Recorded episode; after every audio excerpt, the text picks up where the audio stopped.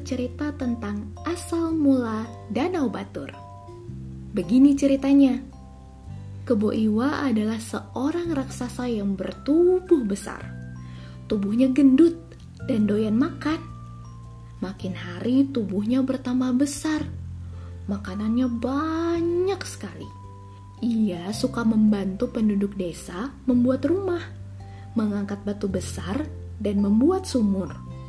Ia tidak minta imbalan apa-apa.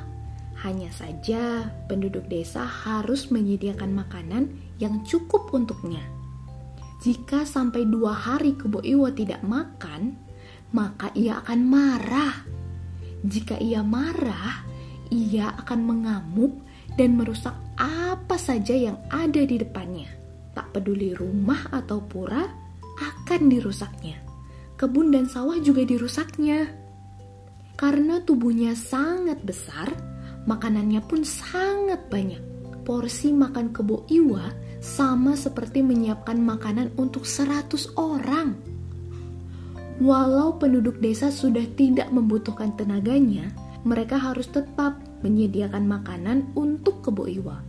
Karena jika kebo iwa lapar, ia akan marah dan menghancurkan apa saja. Hingga tibalah saat musim kemarau. Semua lumbung padi milik penduduk mulai kosong. Beras dan bahan makanan lain mulai sulit diperoleh. Setelah sekian lama, hujan pun tak kunjung datang. Penduduk mulai khawatir dengan keadaan Kebo Iwa. Sebab, jika ia lapar pasti akan mengamuk. Benar saja kekhawatiran penduduk. Suatu hari, Kebo Iwa merasa lapar, tapi makanannya belum siap karena persediaan penduduk desa sudah habis. Jangankan untuk Kebo Iwa, untuk mereka makan sendiri saja sudah tidak ada. Kebo Iwa pun mulai marah dan mengamuk. Ia menghancurkan rumah-rumah milik penduduk. Pura sebagai tempat ibadah juga tidak luput dari amukan Kebo Iwa penduduk melarikan diri ke desa tetangga. Tapi Kebo Iwa terus mengejar sambil berteriak-teriak. Mana makananku? Atau kalian lebih suka ku hancurkan? Kebo Iwa semakin ganas. Ia tidak hanya menghancurkan bangunan, tetapi juga makanan hewan-hewan ternak milik penduduk. Para penduduk pun juga menjadi korban keganasan Kebo Iwa. Melihat kerusakan yang ditimbulkan Kebo Iwa, maka penduduk menjadi kesal dan marah. Mereka mengatur siasat untuk menyingkirkan Kebo Iwa. Mereka mengajak berdamai Kebo Iwa. Dengan segala macam cara, akhirnya mereka bisa mengumpulkan makanan yang banyak lalu mendekati Kebo Iwa. Pada saat itu, Kebo Iwa baru saja menyantap seekor kerbau. Ia kekenyangan dan berbaring di atas rumput. Kepala desa menegur Kebo Iwa. Hai Kebo Iwa.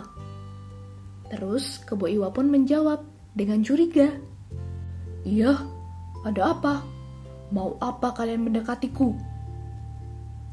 Kemudian kepala desa pun menjawab, Sebenarnya kami masih membutuhkan tenagamu.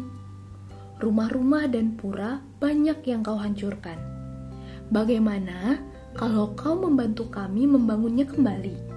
Kami akan menyediakan makanan yang banyak untukmu sehingga kau tak akan kelaparan lagi.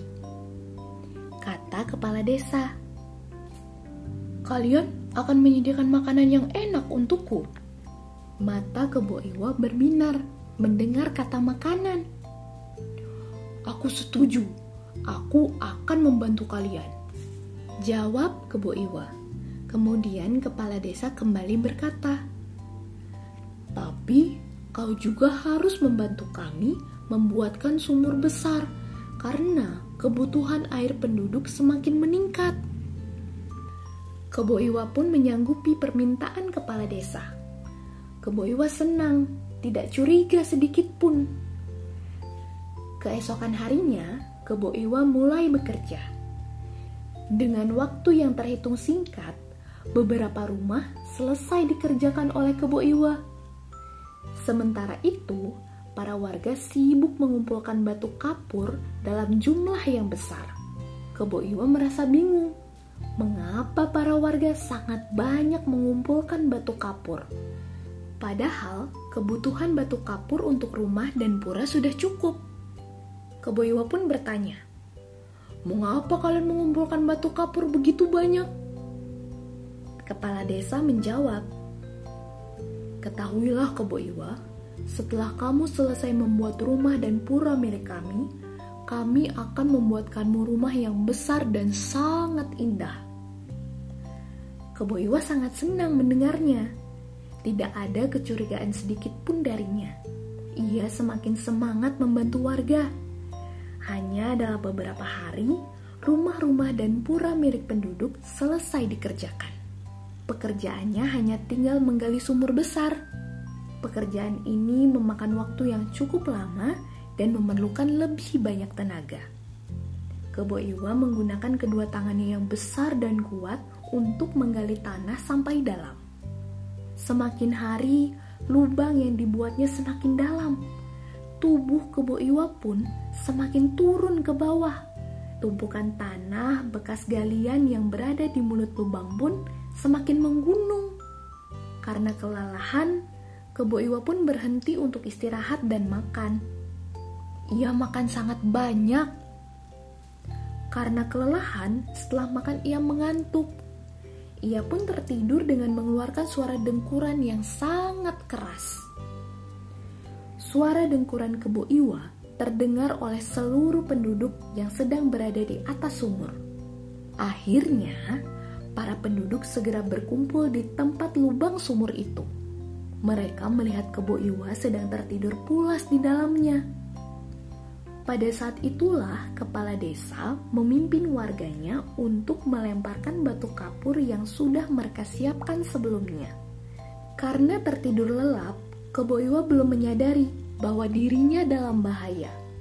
Ketika air di dalam sumur yang bercampur kapur sudah mulai meluap dan menyumbat hidung kebu Iwa, barulah raksasa itu tersadar. Namun, lemparan batu kapur dari para warga sudah semakin banyak. Kebo Iwa tidak dapat berbuat apa-apa, meskipun memiliki badan yang sangat besar dan tenaga yang sangat kuat. Ia tidak mampu melarikan diri dari tumpukan kapur dan air sumur yang kemudian menguburnya hidup-hidup. Kebo Iwa menggelepar-gelepar selama beberapa saat. Gerakannya menimbulkan gempa sesaat, tapi kemudian reda dan diam. Kiranya Kebo Iwa telah terkubur di dalam sumur. Sementara itu, air sumur semakin lama semakin meluap. Air sumur itu membanjiri desa dan membentuk danau. Danau itu kini dikenal dengan nama Danau Batur. Sedangkan timbunan tanah yang cukup tinggi membentuk bukit menjadi sebuah gunung dan disebut Gunung Batur. Demikian cerita asal mula Danau Batur. Terima kasih.